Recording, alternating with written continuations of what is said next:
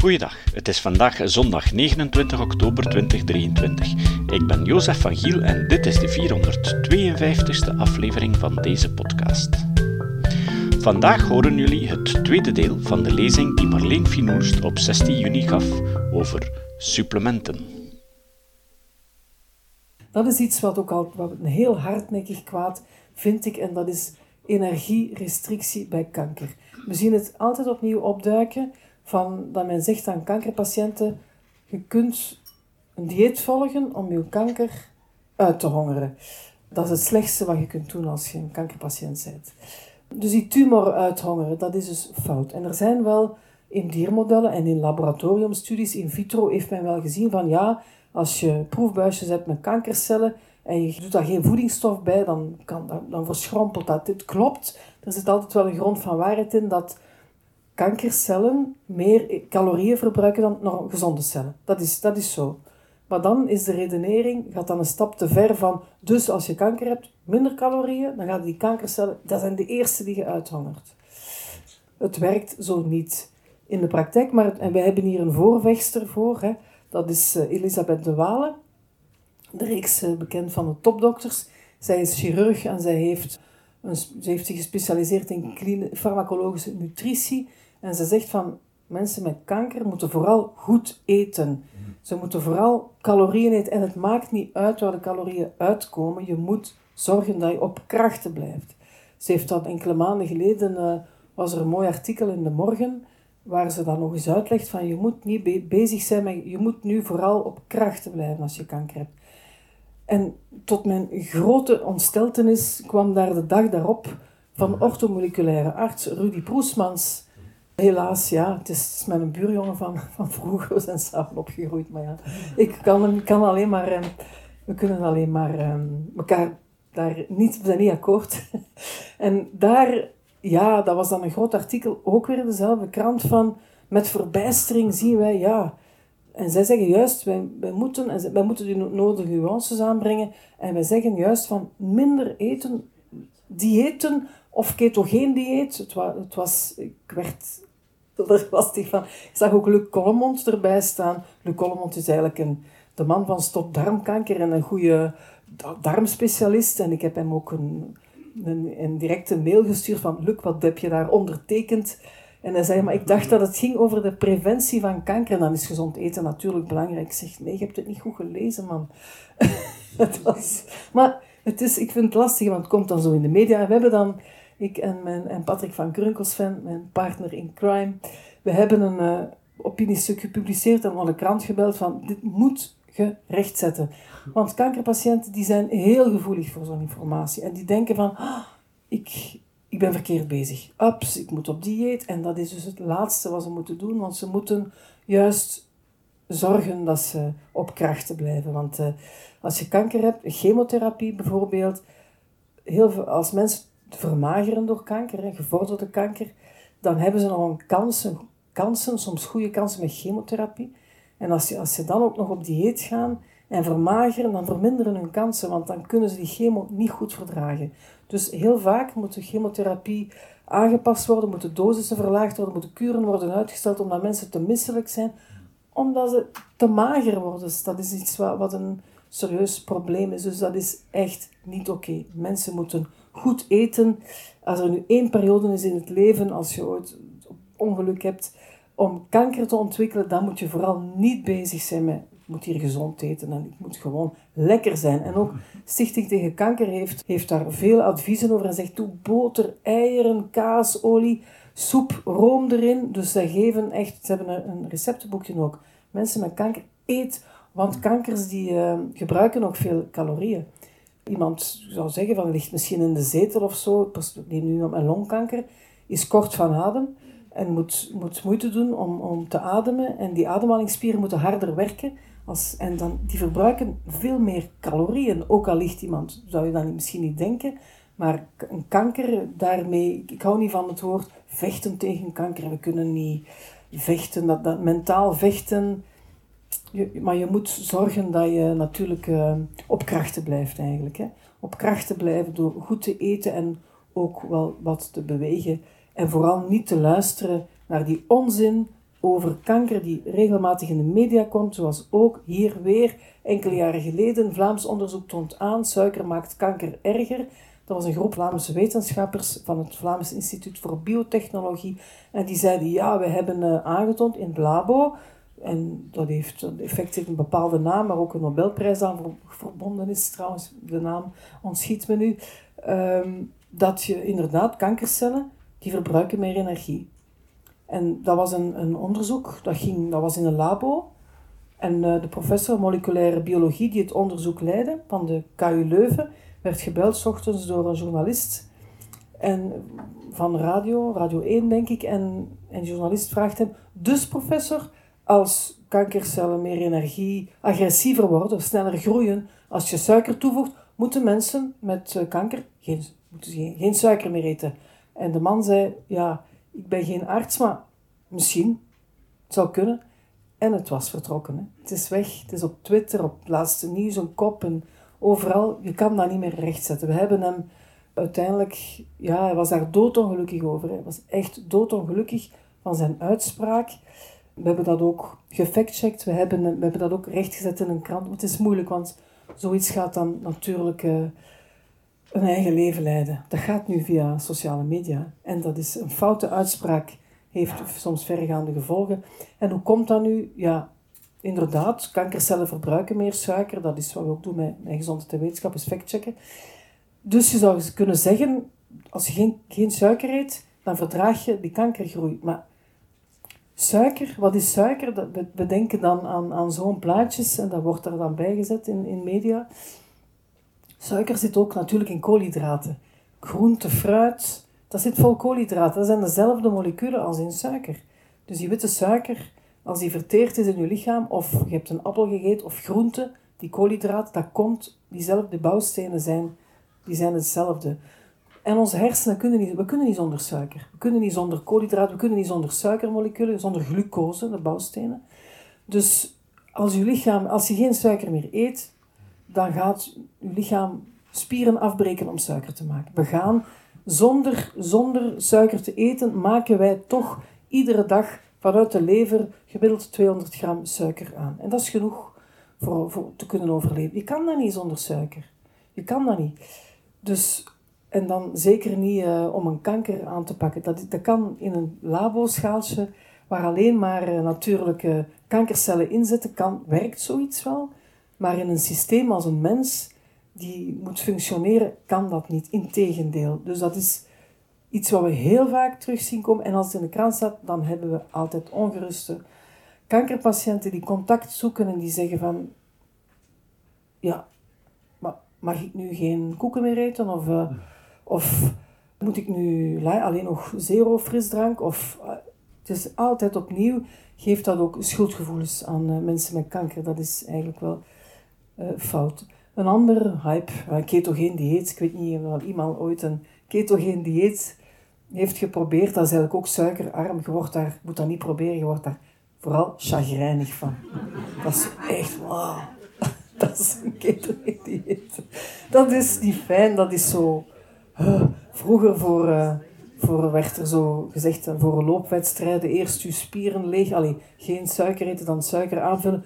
Ketogeen dieet, dat maakt mensen zuur. en dat heeft ook, ja, en, en waarom, hoe heet dat, ketogeen? Dus heel weinig suiker, meer eiwitten. Dan blijf je zo wat uh, op, je honger, op je honger zitten. En dat heeft ook weinig zin. Ook weer hetzelfde idee erachter. Kankercellen hebben suiker nodig. Minder suiker, meer eiwit, ketogeen. Nee, vooral niet doen. Vooral niet doen. Je wordt er alleen maar ongelukkig van. En het heeft...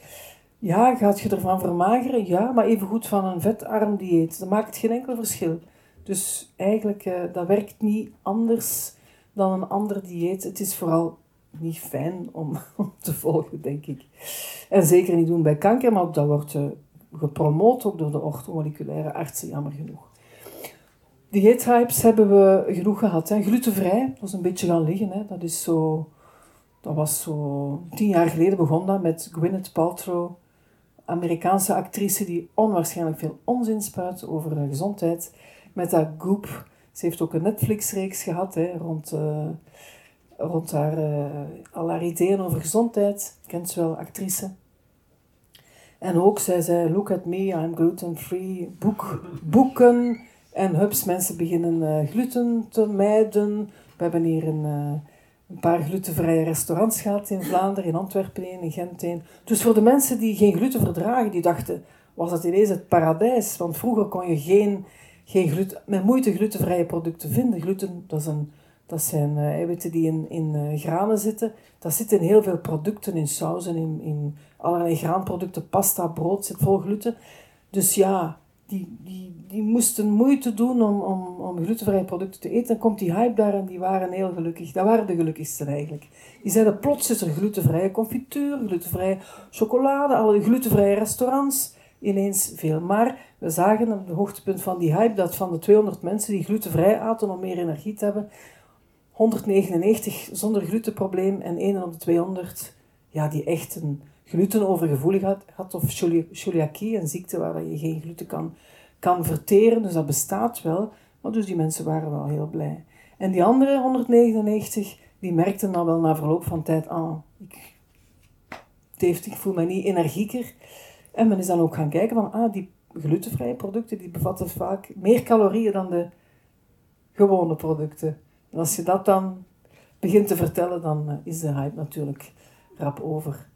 Vegetarisch en vegan diëten, ja, dat hebben we. Dat, met vegetarisch eten is zeker niks mis. Als je dat goed uitbalanceert, vegan ook niet. Dan moeten dan misschien wel wat uh, supplementen, vitamine B12 bijnemen. Intermittent vasten, ook een hype. Hè. Boeken, boeken vol. Mhm. Intermittent vasten, bijvoorbeeld niet eten tussen 6 uur s'avonds mhm. en 8 uur s morgens. Ja, natuurlijk vermagert je dan. dat, zal wel.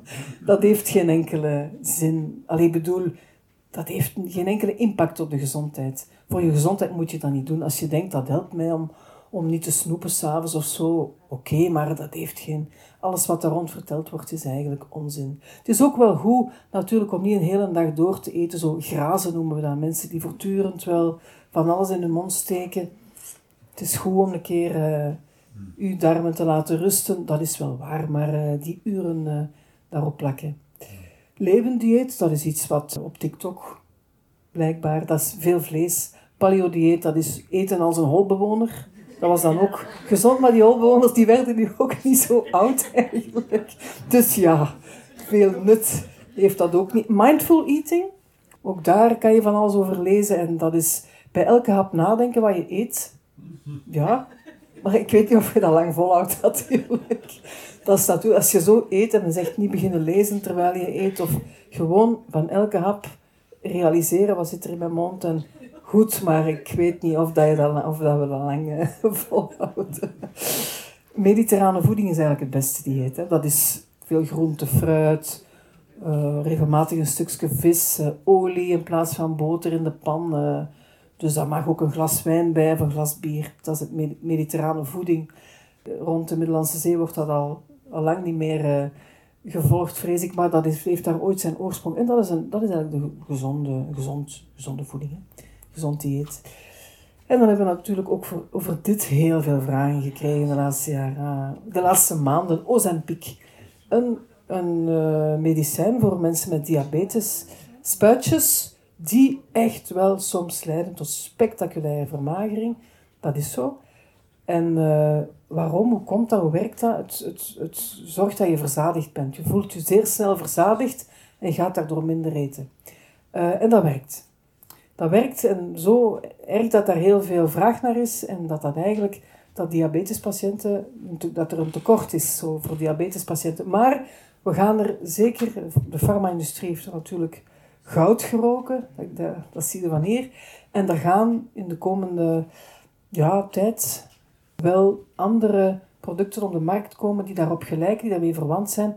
En dan kunnen we zeggen ja, dat is eigenlijk de eerste keer dat we iets zien waar we kunnen zeggen van ja, dat geeft soms spectaculaire resultaten. Natuurlijk, uh, dat kost nu die Ozempic, dan moet je als je geen diabetes hebt uit eigen zak betalen, kost je 100 euro per maand. Je moet dat inspuiten. En natuurlijk, en men ziet ook mensen stoppen daar een bepaald moment mee. En dan kom er weer bij, want dan is dat... Natuurlijk, dan, dan werkt dat niet meer op het verzadigingsgevoel. Maar dat, dat vind ik een moeilijke, om daar een oordeel over te vellen, want we zien ook mensen die echt zeer zwaarlijvig zijn, En daarmee kunnen afvallen, dat is ook goed voor je gezondheid. Dus dat, dat is wel waar dat je dat kan zeggen van ja, daar zit wel iets in. Een supplement of onder geneesmiddel? Geneesmiddel, dat is een geneesmiddel. Hè. Ja, dat is een geneesmiddel. En dat komt, maar dat gaat, men heeft al, men is volop bezig nu. Men zoekt al zeer, zeer lang naar eh, de... Allee, ja, er zijn... Zwaar overgewicht is een, eh, is een belangrijk probleem. Dus, en dit is misschien wel in de nabije toekomst een, eh, een mogelijke oplossing. Hoe men dat in de markt gaat zetten, weet ik niet. Maar men is volop bezig met, met producten te maken. Daarmee verwant. En dan voor mensen met overgewicht. En niet voor... Uh, allee, nu moeten we dit voorbehouden voor mensen met diabetes. Dan nog wil ik nog, ook nog iets zeggen over alcohol voor we een pintje gaan drinken.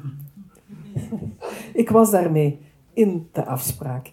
Op halverwege de tournee Mineral en men had mij, mij tegenover de professor Hans van Vlierbergen gezet, leverspecialist van, de universiteit, van het Universitair Ziekenhuis in Gent die zei, die in de media, in de tournee Mineraal zei, één glas is giftig, één glas is te veel. En ik, men had mij gevraagd van, wilt je dat niet een beetje komen nuanceren? Ik zeg, maar ja, we gaan dat doen. Met plezier. En uh, we zijn in discussie gegaan daarover. En uh, ja, ik vond het was eigenlijk, het is heel beleefd gebleven. Het is nog, nog te zien, denk ik, ergens op in de archieven van VRT. Maar uh, hij zei, ik zie in mijn afdeling leverziekten in UZ Gent, dat ligt vol, vol met mensen die maar drie, vier glazen op een week gedronken hebben, of uh, één glas, maar echt lichte consumptie, dat ligt vol met uh, levercirrose-patiënten. Maar, maar dat bleken ook allemaal uiterst obese mensen te zijn. Ik zeg maar, dat heeft te maken met, met de obesitas toch, toch niet met dus ja, hij, gaf wel toe. Allee, ze schieten daar eigenlijk in door. Dat, dit, dat debat is... Uh, allee, tien jaar geleden, ik heb nog meegemaakt dat artsen zeiden... Drink gerust een glas rode wijn, voor goed voor je hart- en bloedvaten. En ineens is het uh, helemaal fout. Ik was uh, vorige week op een jaarvergadering... Ook een discussie, in debat... Ik een lezing gegeven over alcohol en gezondheid. Want Frank van den Broeke, minister Sociale Zaken heeft een alcoholplan gelanceerd en wil alcohol echt wel, echt wel uh, aan banden leggen. En op een goede manier denk ik wel. Bijvoorbeeld reclame verbieden, dat soort zaken. Hè. Dus ook heel moeilijk voor voetbal en voor andere zaken. Uh, dat zijn belangrijke sponsors. Maar dat, dat er daar debat over komt, dat vind ik oké. Maar we weten uit uh, cijfers van Cienzano, van alle mensen die graag een glas drinken, doet 80% dat op een, of 88% was dat zelfs, op een gezonde manier. En die genieten daarvan. En die worden nu meegezogen in het debat van uh, één glas is kankerverwekkend. Want dat, dat zit er eigenlijk achter. En daarover uh, ging ik met hem in discussie, namelijk wordt vaak in de media gezegd, één glas per dag, 10% meer risico op borstkanker. Dus iedere dag één glas wijn of, of bier eh, of porto of cava, mijn port, verhoogt uw risico op borstkanker met 10%. En dat klopt, dat is zo. Dat is zo en dat geeft veel angst. Dat is ook een van de redenen waarom men zegt één glas is vergif. Vooral rond borstkanker. Maar als je dan kijkt, maar wat betekent dat nu? 10% meer risico. En als je dan bekijkt, iemand van 40 jaar heeft een risico op borstkanker, om, om tussen naar 40 en naar 50 borstkanker te krijgen, is 1,45% Natuurlijk, tenzij je erfelijk een erfelijke kanker hebt, een erfelijke borstkankergenen. Maar dus gemiddeld 1,45% risico. En als je dan één glas per dag drinkt, dan betekent dat dat je risico stijgt naar 1,59%. En als, je, als zo'n dame, pak nu 50 jaar, risico op borstkanker is al wat groter, 2,4% op 50 jaar. Vanaf dan beginnen ook de screenings, hè, dan is het risico wat groter. Als je dan uh, een glas drinkt, dan stijgt je risico van 2,4 naar 2,64 procent. Dat is nog altijd heel weinig, hè? Dat is nog altijd heel weinig. En als je die absolute cijfers erbij haalt en je zegt van kijk, dat betekent in concreto één glas wijn, dat is... En als je het zo uitlegt, dan zeggen mensen, ah, oké, goed. En dan, dan, dan, informeer je ze op een correcte manier. Ik word er ambetant van. En dat is ook zo met darmkanker. Met darmkanker zegt men ook, zoveel procent meer risico op darmkanker als je hè, voor mannen en vrouwen per glas. Maar dat stelt, die risicostijgingen stellen heel weinig voor. Waarom? Omdat dat risico heel laag is natuurlijk. Ons risico voor borstkanker, ik heb het uitgerekend, ik heb het ook vergeleken vorige week. Ik zeg, kijk, als iemand hormonen neemt in de menopauze, voor menopauzeklachten, hormoonsubstitutietherapie, wordt echt wel nu, uh, plots is dat ook een, een probleem, vind ik, wat echt wel heel groot wordt voorgesteld. Er zijn natuurlijk vrouwen die daar uh, echt wel problemen mee hebben, daar wil ik, dat wil ik niet uh, minimaliseren, maar men pusht aan de ene kant van dat die vrouwen moeten eigenlijk allemaal hormonen, beste hormoonsubstitutie nemen om zich goed te voelen in de menopauze. Maar dat verhoogt ook het risico op borstkanker te vergelijken met twee glazen per dag. En dat is, ik vind daar moet je ook zeggen, iemand die goed beweegt, die iedere dag 10.000 stappen zet, die, die uh, actief is, die vermindert dat risico op borstkanker. Dus dat, dat moet je er ook bij. Je moet het hele plaatje bekijken. En alleen die, wat doet men en pikt daar dat uit wat men wil, omdat men dat alcoholplan natuurlijk moet erdoor krijgen. En dat vind ik niet, dat vind ik niet oké. Dus ik ben daar wel ook mee in discussie gegaan. Ja, ik vind dat niet, ik vind dat niet juist. We moeten de mensen correct informeren. En tegenstanders zeggen dan, je, mensen die één glas drinken of twee, hebben dan de neiging om er drie of vier te drinken. Ik vind dat uh, te, te, te betuttelend.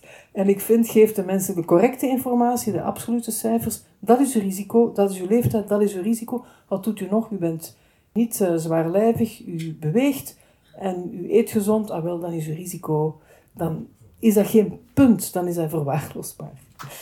Goed, ik, heb daar ook, ik ben daar ook, als ik op mijn paard zit, op alle kanalen die ik kan gebruiken. Niet alleen in de in de afspraak, maar ook tijdens geneeskunde. Ik ben vorige week gaan spreken, ook uh, in discussie gaan met iemand van het uh, kabinet die het alcoholplan heeft gelanceerd of daarmee architecte van is. Ja, één glas alcohol, die de horizontale as is 10 gram, 10 gram ongeveer, een glas wijn of een glas bier. Dus dan zie je dus het risico, als je één glas drinkt, dan, dan gaat jouw risico heel, heel, heel, heel langzaam omhoog. En voor elke kanker hebben we zo een curve. En voor veel kankers begint dat pas, is dat eerst een tijdje, begint dat pas te stijgen na enkele glazen. Maar voor borstkanker dus vanaf het eerste glas. Maar de, de stijging is eigenlijk met een microscoop te zoeken. Goed, dan ga ik nog eindigen met een woordje over gezondheid en wetenschap. Ja, wat is dat, gezondheid en wetenschap?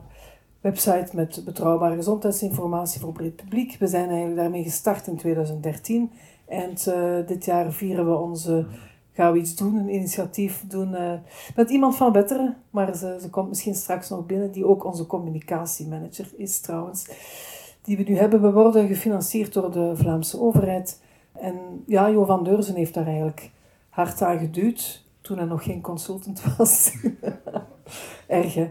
Maar dus ja, toen, als hij minister was van uh, Volksgezondheid in Vlaanderen, heeft hij ons echt wel geholpen om, om dat initiatief op poten te zetten. En wij hebben, uh, ja, we, zijn, uh, we hebben veel bezoekers per dag, toch een 55.000. We zijn ook gekoppeld aan het portaal mijngezondheid.be. Dat is waar je uw medische gegevens kunt inkijken. Je weet dat je in uw medische gegevens kunt kijken. Hè? Als je een scan hebt gehad in in een, in ziekenhuis of, of een labo onder, of bloedonderzoek. Je kan met je ITSME of je identiteitskaart kun je via mijngezondheid.be of Vitalink, je hebt verschillende ingangspoorten, kan je naar je eigen gegevens kijken of naar je uitslagen. En dan, mensen doen dat, meer en meer mensen gaan daar naar kijken, zeggen, ah, ik heb een scan gehad, ik wil gaan kijken, wat is daar gevonden, en botsen dan op een, op een uh, protocol wat ze niet verstaan. Ah nee, want dat verstaan ze niet. Het staat er in een medische taal.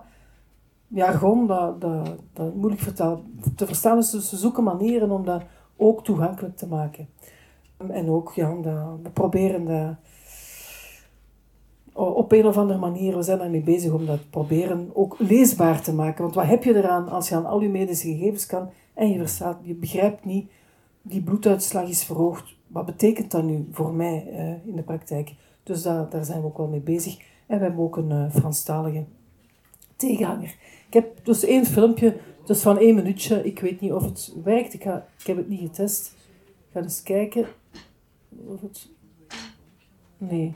Maar het, is, ja, het is, staat op onze website. Het, is een, het toont aan hoe je als je Google, veel googelt, dat je jezelf wel, als je niet goed weet waar te beginnen, dan gaat men, maakt je jezelf zieker.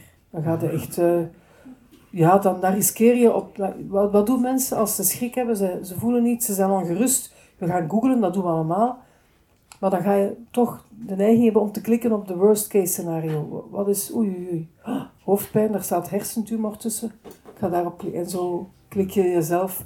En met, uh, met studies van uh, Big Data, wat Google doet, die onderzoek doet van hoe klikken mensen naar waar klikken ze, hoe klikken ze verder, ziet men dat Microsoft heeft ooit zo'n studies gedaan voor gezondheid, dat men echt klikt naar dingen mijn, mijn maag begint met een beetje maagpijn en je klikt u naar een hartinfarct. Of naar, dus, dus het is belangrijk om mensen tools te geven of kompasjes van kijk een keer eerst misschien op gezondheid de wetenschap of uw ziekenfonds of ziekenhuis of er zijn, uh, of bij, als je iets zoekt over kanker, ga eens kijken bij Kom op tegen kanker en de Stichting tegen kanker.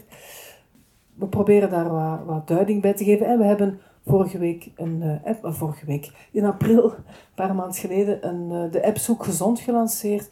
Omdat we merkten dat veel meer mensen via, de, eigenlijk via hun smartphone naar de website komen. En we dachten, we moeten iets maken dat mensen gemakkelijk kunnen doorscrollen. Dat is Zoek Gezond en daar heeft onze minister, we hebben daar, ze was daar heel fier op. We hebben daar 20.000 euro voor gekregen. En daar hebben we de app ook mee kunnen maken. Uh, en ze heeft een hele dag rondgelopen in het parlement met een tattoo, alleen met uh, make-up, met het logo uh, Zoek Gezond. Ook de huisartsen werken daarin mee. Die, die poster vind ik nu zelf niet, niet zo geslaagd eigenlijk. We hebben dat verdeeld bij de huisartsen, maar er zijn die zeggen van de kindjes in de wachtzaal krijgen schrik. Ik heb moeten weggaan. Ja, dat vind ik echt spijtig. De plek voor een eerste check en dan... je kan met, we hebben daar dan een QR-code op en mensen die in de wachtzaal zitten, die kunnen dat dan downloaden. Dat is gratis. Wordt aangeboden eigenlijk eh, door Gezondheid en Wetenschap en Domus Medica, de Vlaamse huisartsenvereniging. En kunnen dan uh, googlen. We geven een tool van, ga dan daar een keer kijken. Dat is bewezen geneeskunde. Alleen denk ik dat we een andere poster moeten verzinnen.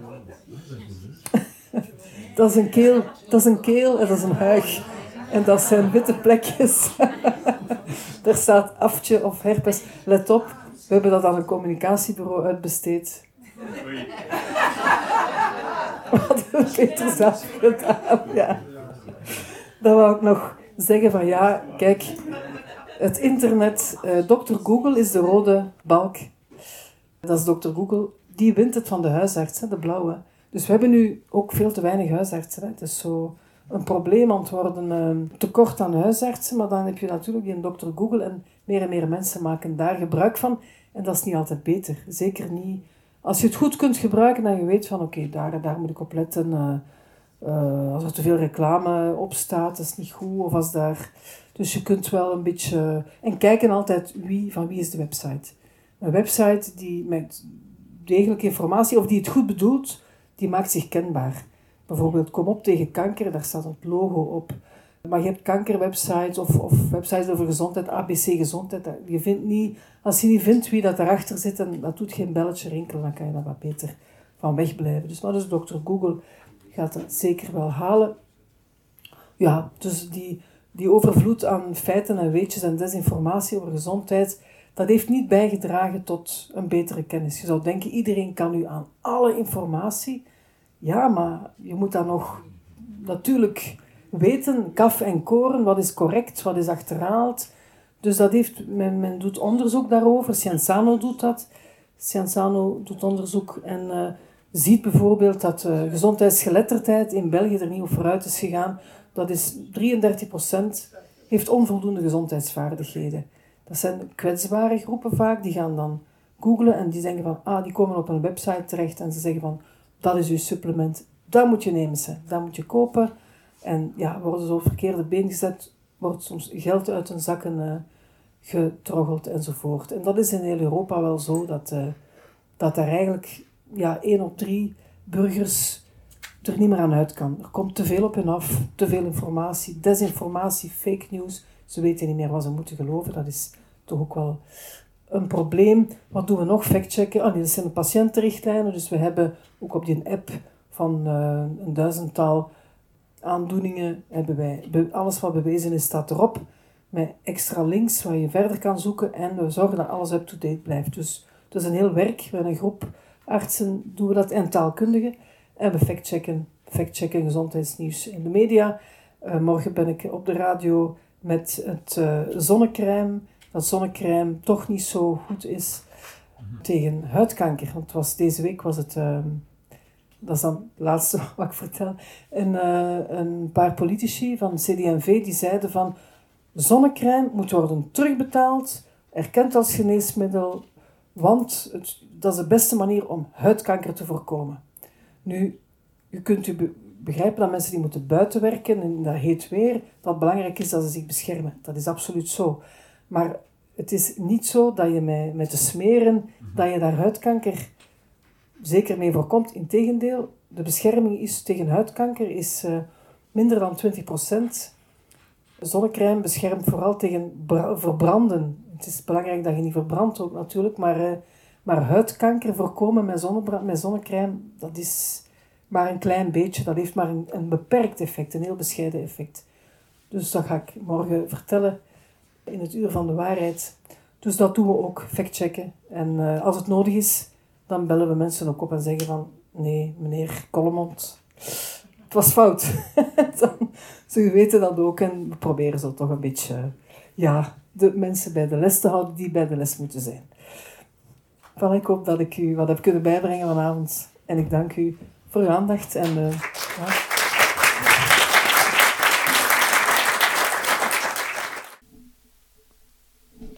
Het citaat. Het citaat van vandaag komt van Griet van der Massen.